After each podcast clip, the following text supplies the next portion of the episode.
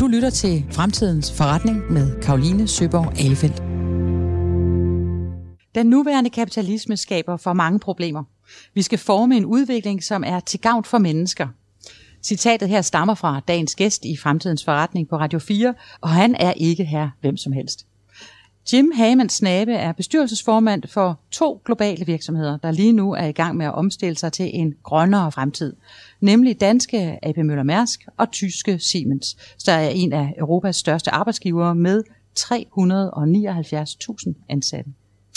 Jim Hamers Nabe sidder desuden i bestyrelsen for World Economic Forum, der hver år samler alverdens ledere i Davos i Schweiz, og derudover finder han også tid til at skrive bøger om ledelse og om fremtidens digitale udvikling. Så det er en meget travl kalender, jeg har mast mig ind i, og mange tak for det. Vi sidder i dag i et stort mødelokale på Esplanaden i København, så vi kan holde behørig afstand i de her coronatider. Men jeg glæder mig meget til en lille time, hvor vi blandt andet skal tale, Jim, om dine visioner for en ny form for kapitalisme, hvor der bliver taget større hensyn til mennesker og til planeten, om grønne investeringer som en god forretning, om lederskab og om din nye bog Tech for Life, der udkommer den 15. maj. Velkommen til Fremtidens Forretning på Radio 4. Mit navn er Karoline Søborg Alefeldt. Radio 4 taler med Danmark. Jim, lad os lige tage en uh, indledende kort status på, hvordan coronakrisen optager dit mindset i øjeblikket. Hvad er du som bestyrelsesformand i to store globale virksomheder af optaget af i de her tider? Ja, der er ingen tvivl om, at uh, situationen omkring corona har ændret min uh, kalender ret voldsomt. En god nyhed er, at alle mine rejser er blevet aflyst, så det giver en del plads i sådan en kalender som min. Øh, og den lidt mere besværlige nyhed er selvfølgelig, at vi jo øh, pludselig skal reagere meget hurtigt på en helt ny situation. Øh, og prøve på en eller anden måde at konvertere den til, til en fordel i stedet for en, en ulempe. Det er jo ret voldsomt, hvor stor øh, forandring verden har set. Øh, jeg var i Davos i januar, og der talte vi om klimaet. Øh, og så to måneder senere, så taler vi overhovedet ikke om klimaet. Nu taler vi kun om, om helbredet, og hvordan overlever vi, og økonomien. Mm. Øhm, så, så det er ret, øh, ret voldsomt. Men alligevel er de to jo på en eller anden måde knyttet sammen, for vi pludselig, øh, så har vi jo øh, set meget færre aktiviteter, og vi kan se stjernerne klarere end nogensinde før. Ja. Øhm, og samtidig så er økonomien blevet usædvanligt utydelig.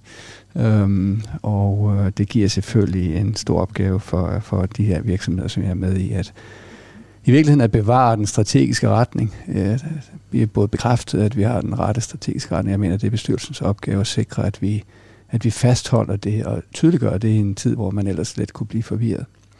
Og så jo hjælper ledelsen med at klare øh, de helt nye udfordringer, der er på den bedst mulige måde.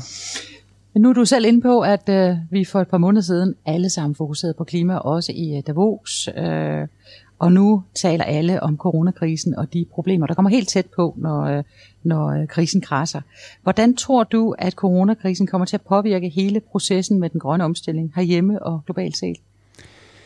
Jamen, jeg håber på faktisk, at det kan være en, øh, en katalysator. Uh, det lyder måske lidt... Øh, Mærkværdigt i en tid, hvor vi har nok at gøre med at øh, sikre helbred og overlevelse af en, af en række mindre virksomheder. Men, øh, men øh, i januar diskuterede vi jo lidt om, om vi har råd til den grønne omstilling. Øh, og nu er det i hvert fald ikke penge, der mangler. Øh, det vælter med hjælpepakker øh, på forskellige vis for at få overkommet coronasituationen og, og genstarte økonomien. Og mit håb er jo, og det bruger jeg en del tid på også i EU, øh, at at de midler bliver brugt til ikke at vende tilbage til det, vi havde inden, øh, men derimod at accelerere en, en fremtid, som måske kunne være meget mere bæredygtig. Så vi måske kan slå to fluer med et smæk?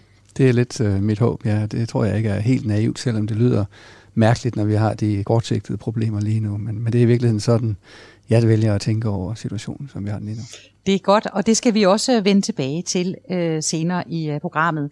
Først øh, kunne jeg godt tænke mig, at øh, at stille et spørgsmål til dig, øh, Jim. Når du, øh, vi vil gerne lære dig lidt bedre at kende som lytter. Øh, jeg tænker, der er, er flere øh, i landet, som, øh, som først rigtig noterede sig dit navn, da du kom tilbage til Danmark fra Tyskland. Så jeg tænker, vi lige skal vende omkring din øh, historie. Øhm, jeg ved, du er født i Nordsjælland og opvokset på Grønland og i Bramming nær Esbjerg. Jeg er selv fra Esbjerg, så øh, jeg, jeg er nødt til at starte med at spørge dig. Er, er der stadigvæk øh, noget Esbjerg tilbage i dig, nu hvor du ellers bor i København med din kone og to børn, og både arbejder i København, Tyskland og hele verden? Altså, der er jo i hvert fald nok noget jysk tilbage i mig. Mm-hmm. Um, men det tror jeg har mere med de værdier, som mine forældre har givet mig undervejs i min, min opvækst, at uh, de er måske meget sådan lidt, lidt jyske værdier, uh, sådan holde fødderne nede på jorden og være sådan en lille smule pragmatisk, uh, og uh, et ord er et ord, og uh, man tager sig af hinanden og sådan nogle ting. Uh, mm-hmm. uh, så Øhm, om det ligefrem er bramming, øhm, jeg tror, det er mere jysk i virkeligheden. Og så tror jeg, at min, min opvækst på Grønland har været med til at forme en, en, jeg sige, en, et, en nysgerrighed og en, en global mindset. Øh, I virkeligheden var vi jo danskere som minoriteter øh, i Grønland, og, eller, øh, og, og det tror jeg er en, øh, en god oplevelse, jeg har haft at være øh, dem, der var flyttet til et andet land. Og, mm at lære en ny kultur at kende allerede fra barns ben. Øh, men også jo en fantastisk natur. Øh, så det tror jeg også har præget mig lidt. Så den der dialektik, kan man sige, mellem det danske og det grønlandske, var med til at skabe øh, hvad skal man sige, de facetter, som, øh, som øh, bor i dig, som blandt andet både er det jyske, altså det sindige, kan høre, men også det visionære, det her globale udsyn. Ja, det tror jeg, i ja. en eller anden udstrækning. Og så har jeg jo altid øh, arbejdet meget globalt, og det har selvfølgelig skabt øh, den interesse for det multikultur- multikulturelle, og også mm. at innovationen kommer af diversitet og en, en nysgerrighed for, for andre lande og kulturer. Mm-hmm. Jim, øh, ved du egentlig, hvor dit efternavn stammer fra? Altså, nu er det faktisk sådan, at mit efternavn Snabe er et navn, som jeg har lånt af min kære kone. Aha, ja. I denne moderne tid øh, kan det jo lige så godt være manden, der tager konens navn, som det er konen, der tager mandens navn. Og jeg synes, at min kones navn, Snabe, var mere spændende end mit oprindelige Sørensen. ja. og Snabe er en lille øh, landsby er måske meget sagt, men fire gårde over i Jylland ved Lemvi, øh, hvor der både er et østersnabe og et vestersnabe og et nørresnabe og et søndersnabe. Så og det tror jeg er landsbyen. Øh. Sådan. Øh, du forklarede for nogle år tilbage til bladet øh, Computer World, at det ikke er så vigtigt, øh, hvad man hedder, selvom jeg nu godt kan lide din historie. Men du sagde dengang, at man skal bedømmes på det, man gør. Er det stadig din holdning? Ja, det mener jeg. Det mener jeg. Jeg synes jo også, at vi har en, en verden i dag, hvor vi på grund af den digitale udvikling øh, pludselig har alle mennesker fået en stemme, og, og alle mennesker kan påvirke. Og, og derfor er man på en eller anden måde øh, ligestillet i muligheden for at øh, gøre noget, i stedet mm-hmm. for bare at være noget i kraft af ens navn. Det er en flot holdning, og kan vide, om ikke der var andre, der kunne nyde godt af at få samme holdning. I hvert fald vil jeg gerne lade det gå ud i æderen herfra. Jim Snabe, når du står op om morgenen og ser på dig selv i spejlet, tænker du så, yes, min karriereplan lykkes? Eller er det også en række af tilfældigheder, der gør, at Jim fra Bramming og øh, Grønland nu hører til i den absolute internationale elite af erhvervsfolk? Altså, der har i hvert fald ikke været en plan, så meget kan jeg afsløre. Um, når jeg som ung øh, var færdig med min uddannelse, øh, så troede jeg, at jeg skulle fordybe mig i matematikkens verden. Øh, jeg var på det tidspunkt ret god til matematik, øh, og havde en antagelse om, at hvis jeg bare fordybede mig længe nok, så ville jeg blive øh, dygtig nok til at løse øh, de mest komplekse matematiske problemer. Og fandt jo hurtigt ud af, at det var en ret øh, ensom vej at gå. Øh, der var ikke mange, der var interesseret i at læse det, jeg skrev. Øh, det var meget specialiserede øh, matematiske problemer, og jeg blev øh, nysgerrig over for øh, virkeligheden, øh, og tænkte, det måske være en idé at møde virkeligheden, inden man begyndte at optimere den med matematik. Så det førte til en række tilfældige øh, muligheder, øh, som så skabte øh, den karriere. Den ene var jo at, at komme til et selskab som SAP ret tidligt i min karriere, som viste sig senere at blive Europas øh, eneste sådan rigtig globale øh, softwarevirksomhed. Øh, det var svært at forudsige på det tidspunkt. Um, og en af de læringer, jeg har mig fra, fra den tilfældighed, var jo, at, at når SAP lykkedes, så var det fordi, at de gang på gang genopfandt sig selv, mens det gik godt. Og det har præget meget af mit eget lederskab, at man skal udfordre sig selv, mens det går godt. Øh, for det er det, der skaber den langsigtede øh, succes. Øhm, og så er det nogle, nogle tilfældigheder. Øhm, selvfølgelig også, øh, kan man sige, en tendens til, at, at jo mere man øver sig, jo større bliver sandsynligheden for en, en god tilfældighed. Øh, og jeg har vel øvet mig ret meget øh, undervejs i, i mit kender du, den, øh, kender du den gamle historie Bjørn Borg, som øh, jo vandt alt i tennisverdenen tilbage i 80'erne, ikke? Og øh, på et tidspunkt, så vinder han også nogle af de der netbolde, øh, som ikke, du, man ikke kan vide, om falder ud på den ene eller anden side. Og det falder en journalist for brystet, som øh, tager fat i Bjørn Borg og siger, jeg synes godt nok også, du er meget heldig, når du vinder så meget. Og så kigger Bjørn Borg på, Bjørn Borg på ham og siger, ja, det er rigtigt nok, og jeg har lagt mærke til, at jo mere jeg øver mig, jo heldigere bliver jeg. Ja, men det er der meget om. Og, det er der meget om. Og jeg har stor respekt for det held, der skal til, for det er jo noget med at være på det rette tidspunkt, på det rette sted. Men, men der er jo også en, en anden dimension, som spiller meget med, og det er jo at have en, en familie, som gør det muligt at øve så meget. Så jeg har jo brugt rigtig mange timer øh, på mit arbejde og rejst øh, verden tynd.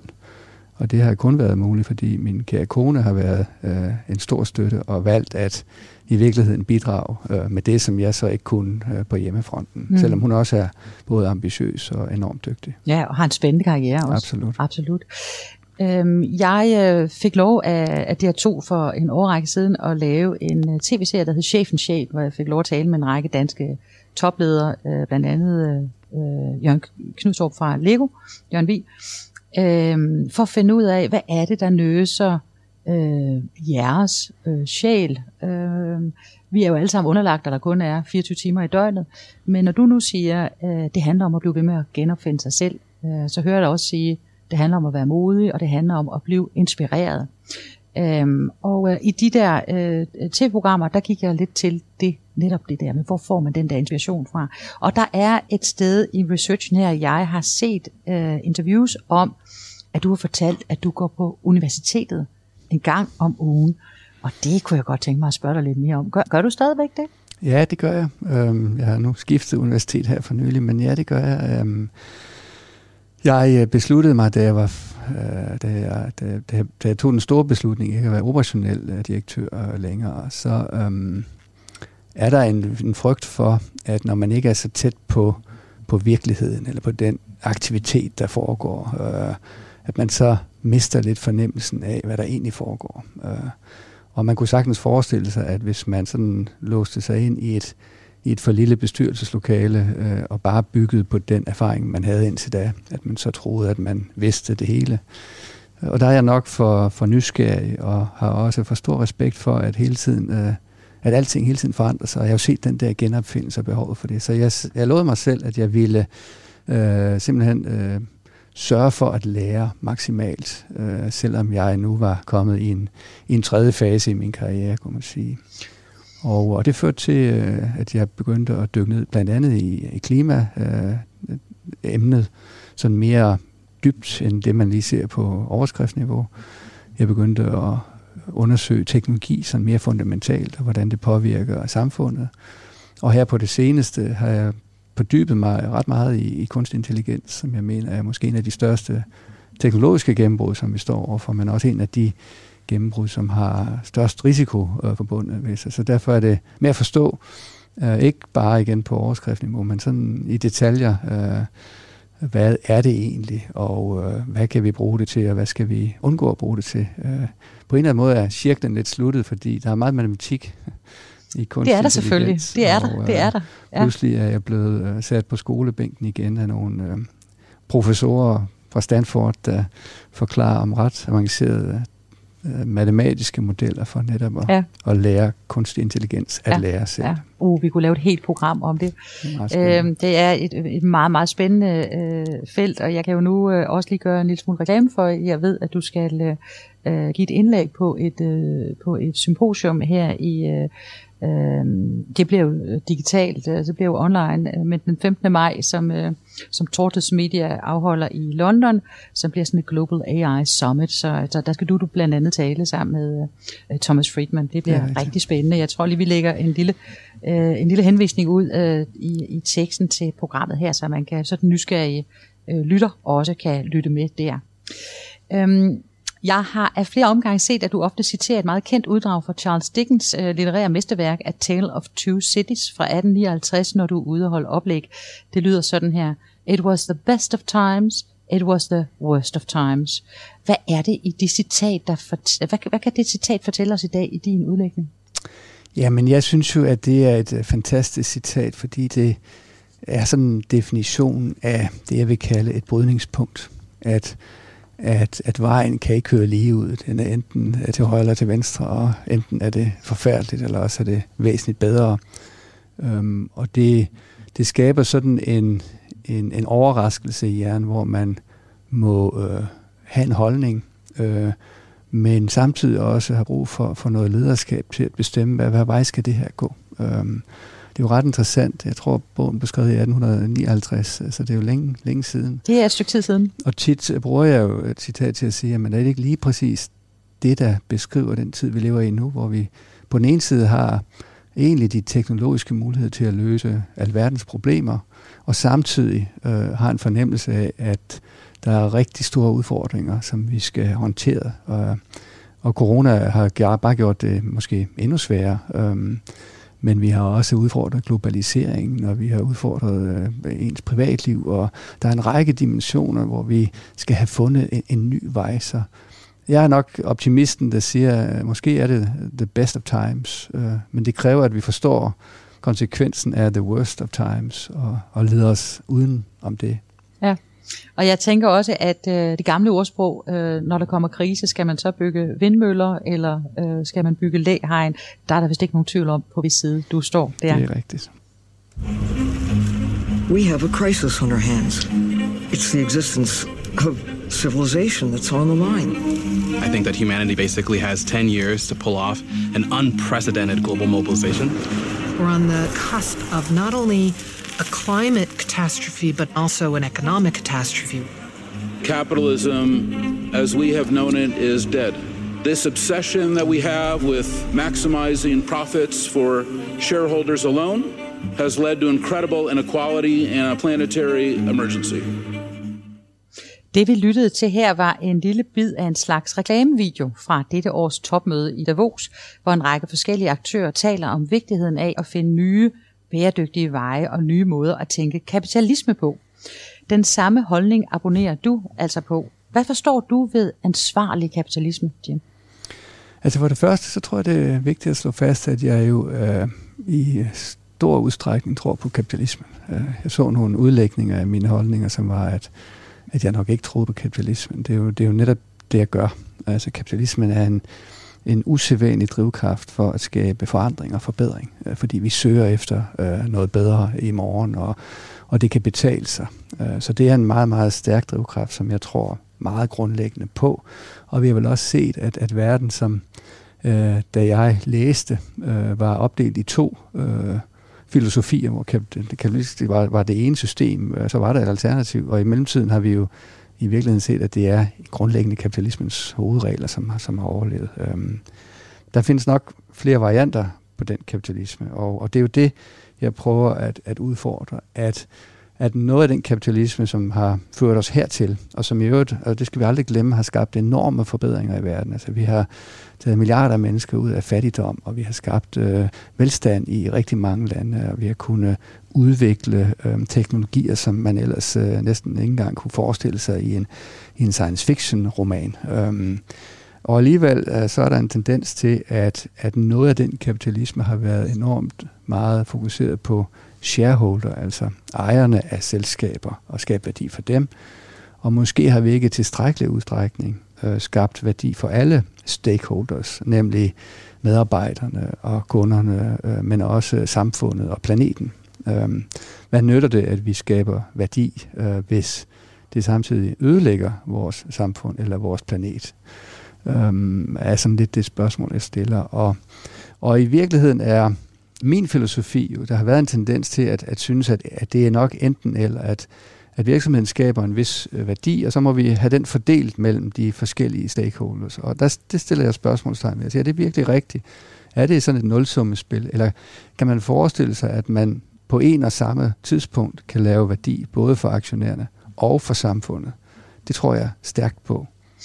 Hvis vi nu skal prøve at gå ind i maskinrummet på det, øh, og tænke, øh, at en virksomhed skal transformere sig selv, en given virksomhed, en given global virksomhed, skal transformere sig selv fra at være øh, det, du kalder øh, shareholder-orienteret, altså udelukkende fokusere på at skabe værdi for øh, aktionærerne, altså ejerne, til også at være fokuseret på at skabe værdi for planeten, for samfundet, for medarbejderne osv. Hvad er det så for nogle håndtag, man skal øh, gøre i, og hvad er det, hvad var det, du lavede på Davos-mødet, der gjorde, at du kom nærmere, hvad skal man sige, en forståelse med andre omkring, hvad sådan en ansvarlig kapitalisme kunne være? Hvordan arbejder man med det? Jamen, jeg tror, at det første, øhm, man bliver nødt til at gøre, det er at udfordre antagelsen, at det enten er godt for bundlinjen, eller godt for samfundet eller planeten. Øh, så længe man har den antagelse, så vil man skulle lave en afvejning, som næsten altid øh, som virksomhed vil falde ud til fordel for aktionærer. Øh, men hvad nu, hvis den antagelse er forkert? Mm. Øhm, og, og et af måden at illustrere, at det måske er forkert på, det er den overgang, vi har lige i øjeblikket, hvor indtil nu har vi sådan haft en, fornemmelse af, at, at det at gøre godt, det er noget med, at man øh, driver sin virksomhed, man tjener nogle penge, og så vælger man på et tidspunkt, hvor mange af de penge, jeg har tjent, vil jeg bruge på at gøre godt i verden. Øh, og dermed bliver det jo et nulsummespil. Man tager nogle penge væk fra virksomheden og aktionærerne og giver til nogle velgørende formål. Og det jeg tror, vi er på vej ind i, og, og som en række virksomheder har indset, øh, blandt andet dem, jeg er med til at lede, men også en række andre, som var i Davos i januar, det er, at hvis man nu tjente sine penge på en måde, der var god for, for planeten, så havde man faktisk løst dilemmaet. Øhm, og hvis jeg sammenligner, hvis jeg tager et godt eksempel, altså det at producere vindmøller øh, som et eksempel, er jo at tjene penge på at lave grøn omstilling. Og hvis man gør det fornuftigt, så tjener man jo penge på det, og dermed er det godt for aktionærerne. Mm. Og når jeg sammenligner øhm, øhm, vindmøllevirksomheden, som vi har i Siemens, med gasturbine-virksomheden, som er jo også at producere energi, men med fossile brændstoffer, jamen så er det sådan, at vindturbine-virksomheden, den vokser, og den har en stigende lønsomhed, og gasturbineforretning, den er faldende i omsætning og har en vigende øh, overskud. Mm. Og det er et godt eksempel på, at vi er nået et, et, et, et, et brydningspunkt. Øh, the best of times. And the worst, worst of, times. times og, og vil du også sige, den, øh, den aktuelle situation, vi har i øjeblikket med oliepriser, der øh, øh, falder og falder og falder, øh, også understreger, at vi faktisk er ved det, vi måske kunne kalde et tipping point mellem sådan renewable energy sources, altså øh, bæredygtige energiformater, og så den gamle, sorte, fossile brændstofverden. Er, er det der, vi står, tænker du? Øh? Det er, ja. det er sådan min hypotese, at, at på et tidspunkt kommer der nye teknologier, som er bedre og billigere. Mm. Og hvis noget er bedre og billigere, så er det svært at holde fast i den gamle teknologi. Jeg, mm. jeg siger nogle gange for sjov, som er et citat, jeg har lånt, at stenalderen sluttede ikke, fordi vi ikke havde flere sten. Øhm, og det er sådan et godt eksempel på, at der så var nogen, der fandt ud af, at man kunne også smelte noget metal. Øhm, og det blev sådan en ny teknologi. Øhm, og så er det selvfølgelig ærgerligt, hvis man er byens øh, bedste stenforhandler. Øh, og, og, og derfor vil man formentlig prøve at, at forklare, at de der metalstykker jo ikke er så gode som stenene, men på et eller andet tidspunkt bliver det klart for alle, at vi er på vej ind i en ny verden med en ny teknologi, som kan noget andet. Mm. Og det tror jeg, vi er nu. At vi er nået så langt på, på teknologisiden. Hvis vi bare tager produktionen af energi af strøm, øhm, jamen så er det nu sådan, at en kilowatt-time produceret på sol eller vind øh, ligger sådan på omkring øh, 40 eller 50 øh, dollars per kilowatt-time. Og en kilowatt-time produceret med kul, som jo er den billigste fossile afbrænding, men jo ret forurenende, den ligger faktisk på 60. Så vi har simpelthen en teknologisk brydningspunkt, hvor det ville være økonomisk tåbeligt at bygge flere kulværker. Mm. At de så stadigvæk findes, skyldes jo, at overgangen fra den ene til den anden teknologi tager tid.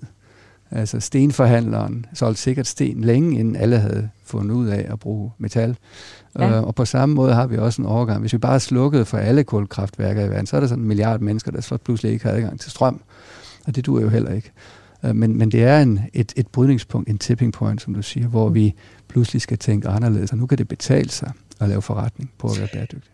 Det her det er jo et rigtig godt eksempel, øh, og et godt eksempel også at tage fra Siemens, øh, hvor I jo både har den ene og den anden type forretning. Øhm, jeg kunne godt tænke mig at komme tilbage til øh, Davos og øh, sådan det globale udsyn, fordi øh, du har også sagt, har jeg set, øh, og andre har også sagt, at Europa kunne godt være det perfekte eksperimentarium for den her nye ansvarlige kapitalisme.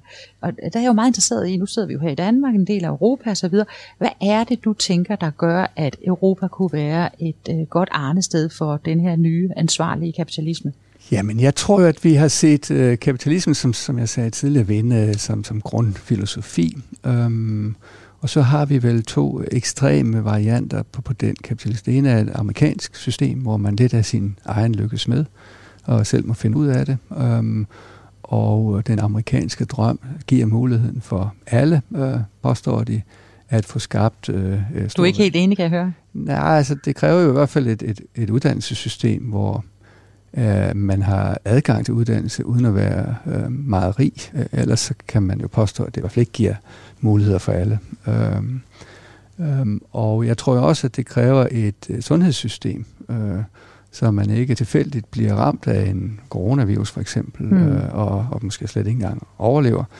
Øhm, så, så, men, men det er en meget ekstrem variant på kapitalismen, hvor det i virkeligheden handler om, at man selv må finde vej, og samfundet tager en lille øh, rolle. Øh, og, og så har vi den, den modsatte variant på kapitalismen meget centralstyret øh, kinesisk variant, hvor kapitalismen jo også der har skabt værdi og har været et stort øh, brud på, på mange års ideologisk øh, anden filosofi, men jo en kapitalisme, som er centralt styret fra staten med nogle meget lange planer, femårsplaner, hvor man har indset, hvilke områder vi skal være ledende i, og så driver en meget målrettet udvikling. Øh, som jo i virkeligheden har betydet, at Kina er gået fra at være verdens billige fabrik til nu at være måske verdens øh, fremtidige innovationsland. Øh, så der er noget der, der fungerer. Øh, mm. Og når jeg kigger på de to ekstremer, så tænker jeg, kunne man ikke øh, forestille sig, at der findes en tredje variant. En, en tredje variant, hvor det ikke er enten øh, øh Øh, kapitalen, der er i centrum, øh, eller øh, staten, der er i centrum, men mennesket, der er i centrum. Øh, og det tror jeg sådan set kunne passe meget godt på, på Europa. Europa er per definition diversiteten. Vi har alle sprog, vi har alle kulturer, vi har alle religioner, øh, og vi har været vant til øh, i først mange år at føre krige med hinanden, men nu at samarbejde med hinanden, siden vi fik lavet EU. Øh, og på mange måder afspejler den struktur jo den verden, vi er på vej ind i, hvor man er koblet sammen i netværk i stedet for i hierarkiske strukturer, mm. og hvor man skaber mulighed øh, uden grænser for, at, øh, at virksomheder og mennesker mødes og finder på ting og skalerer det. Øh, det er en ansvarlig øh, udvikling, hvor jeg kan se nu, at EU jo prøver at, at fokusere på for eksempel det, de kalder Green Deal, som er jo at få den bæredygtige omstilling til at være en forretningsidé for Europa og blive ledende inden for det. Men også en ansvarlig digitalisering, som handler om at putte mennesket i centrum, i stedet for øhm, teknologien i sig selv. Øhm, og i virkeligheden er det meget i tråd med, med min vision for, hvad vi skal som verden. Og måske kunne Europa øh, endnu en gang være ledende i det. Det var vi også med industrialisering. Så tilbage til, øh, til ja, ja, det forstår jeg. Altså, det skal hverken være kapitalen eller staten, der skal være i centrum. Det skal være mennesket. Det er et øh, klart bud her fra Jim Hammonds næbe. Øh, jeg er øh, meget interesseret i at høre, hvordan du helt konkret arbejder med de her tanker i de to globale selskaber, hvor du er bestyrelsesformand, altså henholdsvis Siemens og Mærsk. Hvordan arbejder du med, med den her ansvarlige kapitalisme tankegang? Jamen det er interessant, at jeg øh, har fået muligheden for at, øh, at være med til at drive øh, to virksomheder, som jo begge er globale i deres natur. Øh, de har begge som eksempel været godt 100 år eller mere i Kina. Øh, det er alligevel imponerende at forestille sig, at man tog til Kina for over 100 år siden og lavede forretning. Og øh, det er virksomheder, som har en, en lang historik, øh, igen over 100 år gamle. Og det er virksomheder, som har haft og stadig har en, en familie værdi, øh, et familieværdigrundlag, øh, som er noget med at sikre den langsigtede overlevelse, ikke kun den kortsigtede. Og det kan man mærke i, i begge selskaber, også i bestyrelseslokalet. Når vi træffer beslutninger, så er det det, jeg kalder øh, lang, langsigtede beslutninger. Det er ordentlige beslutninger. Øh, og det er beslutninger, der tager flere hensyn end blot til aktionæren, selvom man kunne egentlig let tro, at det var modsat. Når det er så familie ejet og familie påvirket, at så vil det handle om at optimere værdien for, for familien. Det er det slet ikke. Øhm, og det har jo ført til to virksomheder, Europa-baserede virksomheder, som er globalt ledende inden for det, de gør. Så der er noget, der tyder på, at det virker. Det er jo nogle interessante historier, og begge virksomheder har jo altid formuleret sig ud som, eller formuleret sig ind i samfundet og spillet en, en rolle i det samfund, de er en del af. Men alligevel tænker jeg, at du forsøger at påvirke begge selskaber til at accelerere den her udvikling. Hvad er det, øh, hvad er det for nogle steder, du forsøger at, at accelerere udviklingen, og hvad er det for måske en modstand, du møder? Hvad, hvad er det for en kamp, øh, I erhvervsledere kæmper derude? Jamen for det første er det jo at få tænkt øh, kan man sige, det her stakeholder-begreb ind i strategiarbejdet, så det ikke er en eftertanke øh, med en separat rapport om, hvordan vi må gøre godt for verden, men at bygge sin strategi på, hvordan kan vi tjene penge på at skabe en bedre fremtid. Um, og det ser man jo også i den måde, vi formulerer vores strategier på. Altså, hvis man tager den, den forsimplede version af Mærsk, så har Mærsk været meget dygtig til at øhm, transportere containere billigt. Og i øvrigt var vi et, et konglomerat, øh, som havde en del aktiviteter også i olien. Og øh, der er taget to meget strategiske beslutninger. Den ene er jo at, gå ud af olien. Og nu kigger jeg på uh, coronakrisen og en, og en, en oliepris på 20. Og så tænker du rettidig omhu? Så tænker jeg, at det var rettidig omhu. Det var uh, de rigtige beslutninger taget på det rette tidspunkt. Um, og de selskaber er jo heller ikke tabt. Um, de er nemlig blevet del af en anden sammenhæng, hvor de kan klare sig meget bedre, end, end hvis de havde været her. Um, vi har brugt noget af den um, energi på at nedbringe vores gæld, så vi faktisk står finansielt stærke i den her situation. Og så har vi jo sagt, jamen en ting er at kunne flytte en container billigt, men hvad nu hvis vi også kunne gøre det enkelt? Og hvis vi kunne gøre det bæredygtigt? Vil vi så ikke få en langt større konkurrencekraft? Øhm, og det er vi simpelthen begyndt på. Enkelt er jo, at enhver kan finde ud af det. Lidt som at sende en pakke øh, med DHL øh, eller med posten. Skal vi have, at enhver lille fabrikant i, eller køber et eller andet sted i verden, kan gå ind på vores hjemmeside og booke en transport og følge containeren hele vejen. Og der er vi i dag. at det 97 procent af alle bookninger, som foregår online. Og vi har sagt, at det skal være bæredygtigt. Det at flytte en container på havet er i forvejen den mindst forurenende type transport, man har af varer. Øhm, men vi har alligevel sat et ambitiøst mål om at kunne gøre det helt CO2-frit i 2050.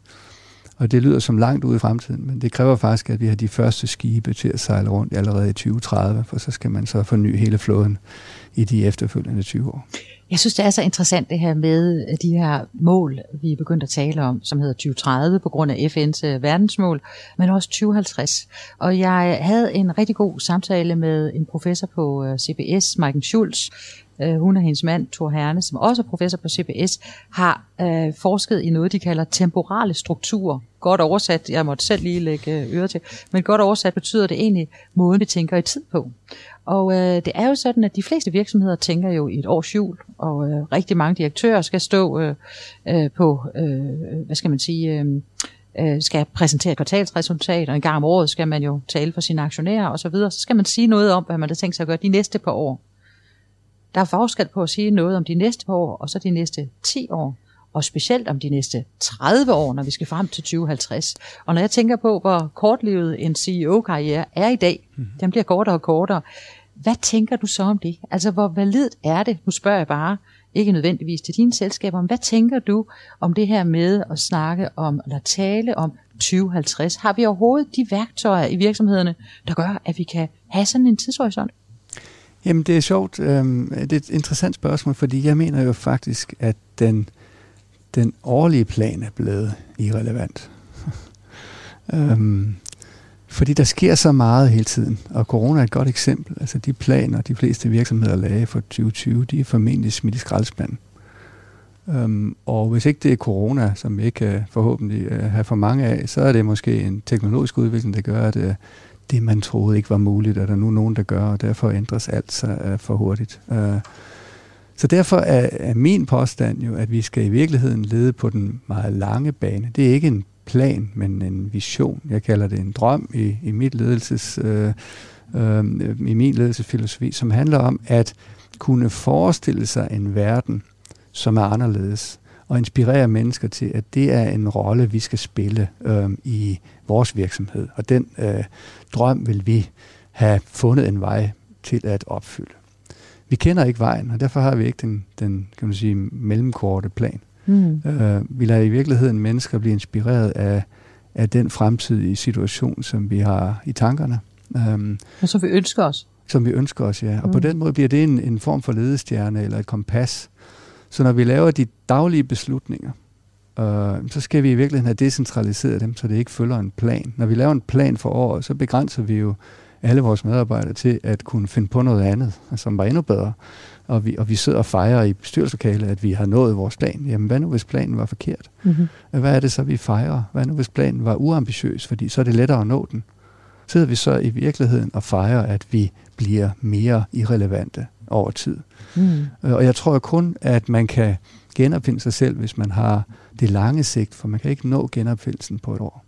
Jim, øh, når man går på CBS eller tager en MBA på INSEAD, øh, så er det jo ikke et drømmefag, man studerer. Så jeg er lidt nysgerrig for, hvad tænker du om det? Øh, jeg øh, er selv ret optaget af for tiden, at jeg synes, at øh, vores børn bliver fyldt med dystopier om fremtiden. Kloden bliver varmere, biodiversiteten falder osv. Jeg synes uh, ikke, de bliver trænet meget i at forestille sig eller drømme om en bedre verden. Og jeg er lidt ked af at kigge ind i en fremtid, som er fyldt med dystopier og meget få utopier eller drømme. Hvad tænker du om det? Hvordan bliver vi som samfund, som virksomheder, som mennesker, som skoler bedre til at drømme eller tænke i utopier? Jamen det tror jeg, du har ret i, at det skal vi øve os mere på.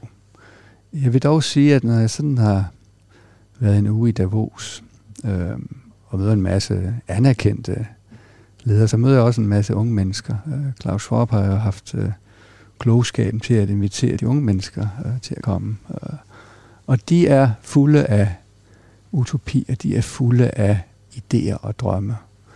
Og de unge mennesker har sådan en tendens til at antage, at alt er muligt.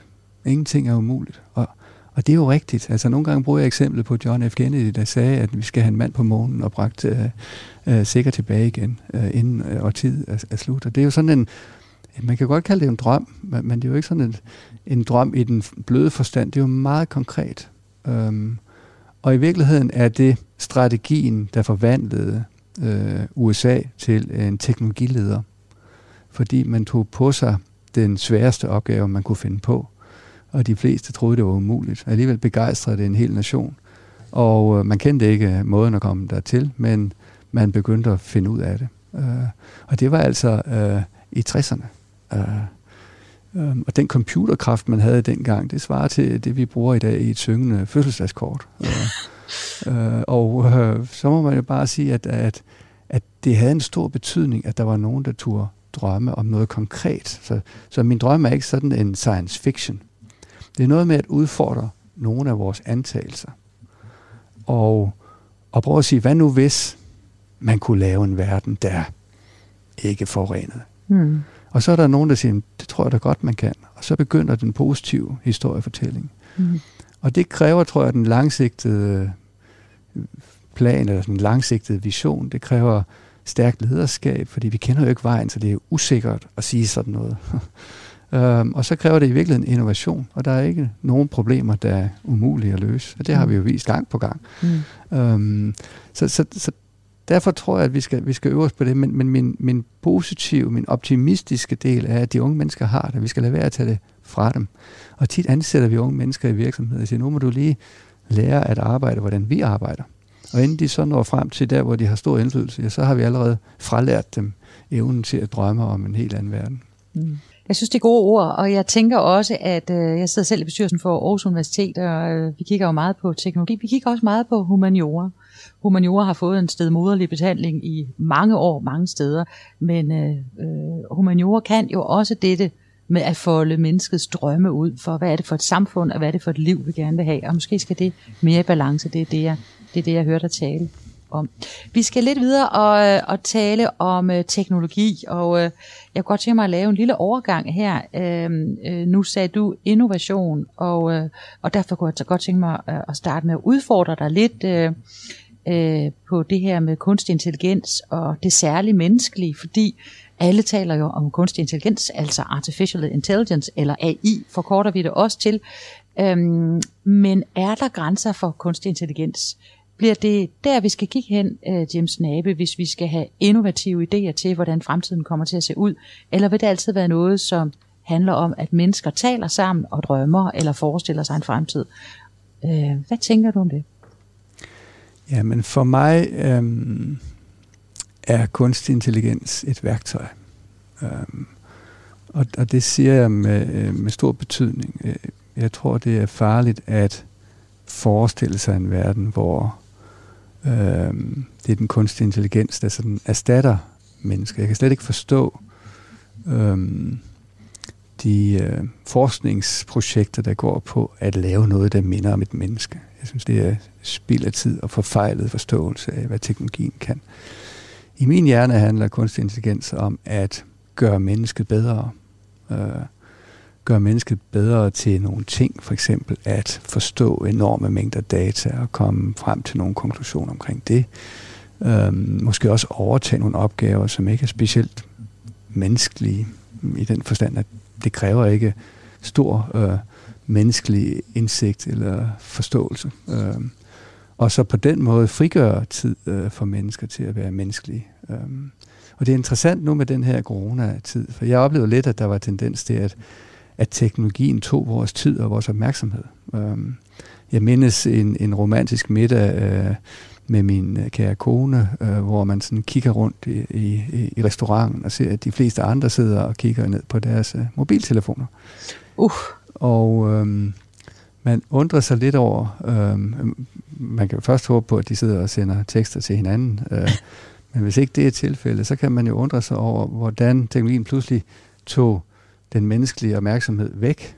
Øh, fra Fjernede nærværet. Lige præcis. Øh, og den fase har vi faktisk haft en periode nu, øh, og mange unge mennesker er, er næsten øh, afhængige af, af hele tiden at få den feedback, som de sociale medier giver. Øh, og nu ser vi så en, en coronasituation, hvor vi er tvunget væk fra hinanden fysisk. Uh, uh, man kalder det social distancing. Måske er det i virkeligheden physical distancing. Mm. Um, og dermed opstår i virkeligheden et ønske om at være sammen.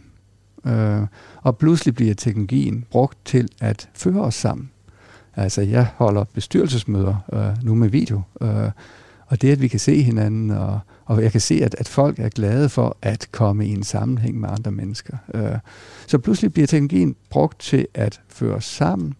Vi bruger måske også teknologien til det, hvor der ikke er stor nødvendighed for, at vi sidder i samme lokale, sådan at vi får, måske når nu den her fase er overstået, får fjernet de opgaver fra den, den, det nærvær, man har, og så bruger nærværet til det, øh, hvor der er brug for nærværet. Øh, så sådan sidder vi i øjeblikket og gentænker de bestyrelsesmøder, jeg er involveret i. Som formand kan man jo sætte agendaen, og vi kommer der til at have nogle digitale møder fremover, som er sådan mere de administrative ting. Øh, og så på den anden side bruge mere tid øh, sammen, når vi skal tale innovation og nye tanker og idéer. For det kræver alligevel, at det er en god ting at være sammen fysisk i Lige det præcis. samme rum. Fordi der er noget, der er særligt ved at være menneske, og ikke bare kan overføres til kunstig intelligens. Det er en stærk pointe for din side. Jeg skal lige høre dig, er det noget, som man kan læse mere om i den her nye bog, du har skrevet, Tech for Good, som altså udkommer den 15. maj? Øhm, eller hvad handler den om? Vi kaldte den faktisk Tech for Good i starten, men nu er vi blevet enige om, at den skal hedde Tech for Life. Fordi uh, good er godt, men life er noget med mennesker life er bedre. centrum. Ja. øhm, ja, men den handler jo på den ene side om begejstringen ved teknologien. It was the best of times. At vi har nu en teknologiudvikling, som gør, at vi kan det meste. Og der er næsten ikke nogen øh, udfordringer, som jeg kan komme i tanke om, hvor jeg ikke også føler, at vi godt kunne løse det, hvis vi havde hvis vi bare brugte den teknologi, som vi har i dag. Og, og kunstig intelligens spiller en vigtig rolle i det. Øhm, øhm, hvis vi nu tager coronasituationen, så ville man med test øhm, og øhm, applikationer, der advarer en, øh, om man har været tæt på nogen, som er blevet testet positiv. Hvis de to applikationer bliver knyttet tæt sammen, og alle i øvrigt bruger dem, så ville man kunne målrette ens øh, nedlukning af et samfund øh, til dem, der har en risiko. Øh, og det vil betyde, at 90% ikke vil blive nedlukket, og dermed havde man heller ikke den store effekt på økonomien. Så dermed tech for life? Det kan man sige. Hmm. Og et, godt og meget konkret eksempel, øh, og det er også begyndt nu at blive diskuteret, hvordan gør vi nu det. Øh, så, så det er et godt eksempel på, at, at selv de, de største udfordringer kan løses med, med teknologi, og samtidig er der en bekymring, et worst, worst of times, nemlig at hvis vi lader teknologien beslutte, hvor vi øh, ender hen, eller hvad vi bruger den til, så kan det godt gå helt galt. Øh, vi kan miste vores øh, fornemmelse af privatliv. Vi kan måske ovenikøbet miste vores demokrati, øh, som vi beskytter så kraftigt. Og hvordan kan vi komme til at miste vores demokrati? Jamen det kan vi jo, når mm, det, jeg kalder overtagelsesplatforme, øh, som Facebook og andre, øh, ikke bare overtaler mennesker til at købe produkter ved hjælp af deres advertising-modeller, som er jo enormt målrettet, når man bruger data og kunstig intelligens, men øh, også bruges til øh, politiske budskaber, måske ovenikøbet købet til falske politiske budskaber. Så ender vi i en situation, hvor folk enten bliver lokket til at tro på noget, som ikke er sandt, og derfor stemme i en retning, som var intentionen. Eller vi slet ikke tror på noget mere, og hvordan skal vi så kunne vælge, hvem der skal repræsentere os i demokratiet. Mm. Og den retning har vi lige i øjeblikket, og, og det er selvfølgelig dybt bekymrende. Og hvad kan vi gøre ved det? Hvordan får vi, øh, har du anbefalinger i din bog øh, til, øh, hvordan de store tech-selskaber, for det er jo også dem, det handler om. Øh, og her tænker vi vel på Facebook og Google og den slags. Hvordan får vi dem til at øh, lytte til jeres appel om øget ansvarlighed? Jamen, der er et, et fundamentalt problem i det, at, at det er jo sådan set ikke det, at det er nogle store tech-virksomheder. Det har noget at gøre med forretningsmodellen. Hvis, hvis forretningsmodellen er at overtale mennesker, det er derfor, jeg kalder det overtagelsesplatformer. Ja, hvis, ja. hvis det er en forretningsmodel, så er man jo opsat på at bruge sin innovation til at blive dygtigere og dygtigere til at overtale mennesker til noget.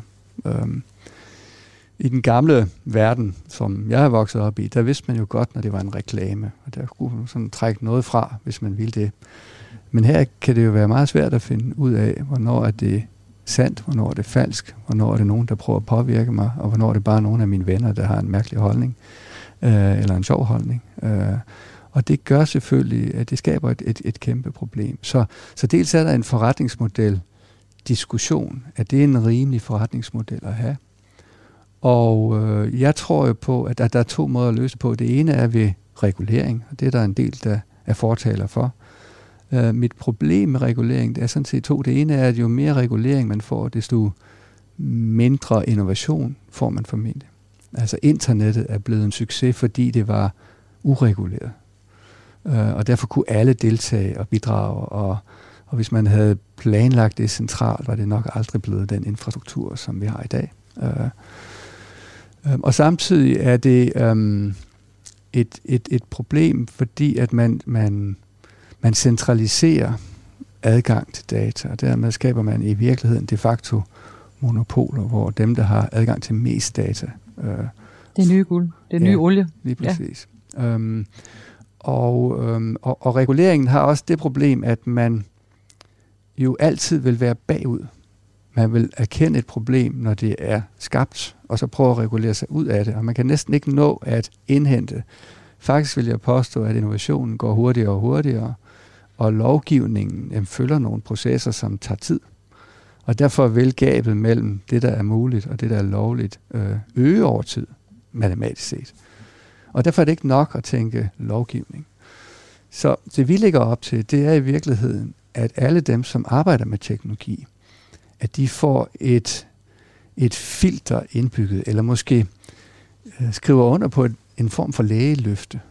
Øh, fordi det har lidt samme karakter, at vi kan redde menneskeliv, øh, vi kan redde samfund.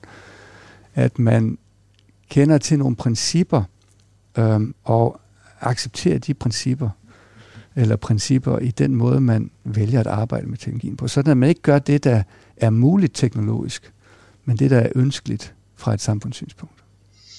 Jeg ønsker jer held og lykke med, det, øh, med den meget, meget positive agenda, og, og glæder mig meget til bogen udkommer her 15. maj.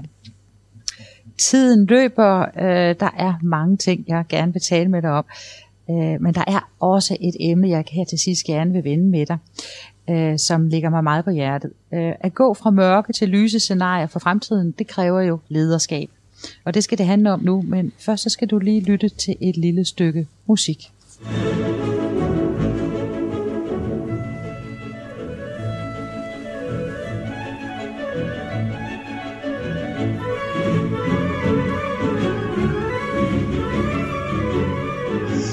Snabe, har du et bud på, hvad det er, vi hører her, og hvorfor? Jeg kan ikke sige komponisten, um, men jeg kan let forestille mig dirigentens uh, energiske um, engagement i forhold til musikerne. Ja, og øh, har du et bud på, hvilken dirigent det er? Altså en af mine store ledestjerner, i hvert fald ledelsesmæssigt, er jo Benjamin Sanders. Det er præcis ham, og det han øh, dirigerer her i Boston Philharmonic øh, Orchestra. Jeg ved, du har et særligt forhold til ham, eller til, øh, til musikken som sådan. Hvad, hvad er det for et særligt forhold? Jamen, jeg har selv øh, dyrket musik øh, i mange år, og også prøvet at spille i et symfoniorkester. Og Hvad har du spillet? jeg har spillet trompet i et symfoniorkester. Trompet, vel, ja. Det er ikke det mest øh, kan sige, øh, involveret instrument i et symfoniorkester. Øh, så man lærer at tælle ret meget, fordi man skal tælle øh, takter. Øh, men det jeg oplevede, det var, at selvom jeg godt kunne øve mig og spille de ting, som jeg skulle spille øh, undervejs i en koncert øh, på en god og overbevisende måde, så kunne jeg jo kun få øh, gåsehud, når jeg hørte os sammen.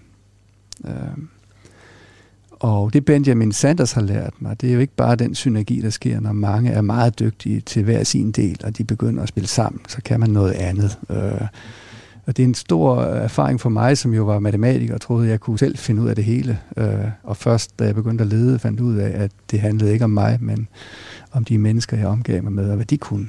Øh, men Benjamin Sanders har også øh, i stor udstrækning inspireret mig til min ledelsesfilosofi, som jeg kalder Dreams and Details. Altså det at have en drøm med... Hvad Dreams and Details. Dreams and Details. Um, så i virkeligheden at gå fra at, at planlægge og prøve at styre udfaldet øh, af, af, en, af en situation, så at have en drøm om, hvor skal det føres hen, som vi talte om tidligere. Øh, Benjamin Sanders prøver at få hele orkestret til at have en fælles vision om, hvordan skal publikum opleve det her. Han har et godt eksempel. Uh, han har mange eksempler, hvor, man, hvor han spiller den samme musik på flere måder. Man kan tydeligt mærke forskel af, hvordan det ændrer ens stemning og opfattelse af det. Og det er klart, at kun hvis man kan skabe en fælles drøm for hele orkestret for, hvad skal det her måne ud i af følelser i publikum, kan man få skabt øh, den synergi, sådan, hvor det virkelig får gåsehuden frem hos tilhøren. Men så har han også en evne til at tage sig af detaljerne. Øhm, og det er næsten lige så vigtigt. Så, så når jeg udfordrer planen, som er sådan et, et års plan, jamen, så er det i virkeligheden for at gå endnu tættere på til at sige, hvad gør vi lige nu, og hvad er det, vi skal blive meget dygtigere til. Og så have den lange bane. Altså Benjamin Sanders, han kan øh, for at vise detaljen synge en øh, fødselsdagssang på tre måder. Nå. Uh, man kan enten synge Happy Birthday, eller Happy Birthday to you. Man kan også synge Happy Birthday to you. Og så kan man jo også synge Happy Birthday to you. og det er jo et ret fint eksempel på, at så lille en ting som, hvor er det, vi sætter opmærksomheden i så få ord, ændrer radikalt på den måde, vi oplever den fødselsdagsdag. Og alle vælger selvfølgelig den sidste variant. Og det er jo så også det, du gør, når du øh, siger, at vi skal ikke opgive kapitalismen, vi skal gøre den mere ansvarlig. Det er også det, du siger, når du øh, fokuserer på dreams and details. Vi skal fokusere på, hvor vil vi hen, og ikke nødvendigvis på den kortsigtede plan og øh, rapportere på det, vi har besluttet. Men lad os sørge for at uh, efterstræbe det, som er efterstræbelsesværdigt. Og øh, med de ord og de øh, spændende øh, bud på, øh, hvordan god ledelse er, vil jeg gerne sige tak til Jim Hagemann Snabe for din deltagelse i den her udgave af Fremtidens Forretning. Programmet her kan genhøres i aften kl. 19.05, og hvis du gerne vil høre programmet, når det passer dig, så kan man finde det som podcast. Tak for i dag.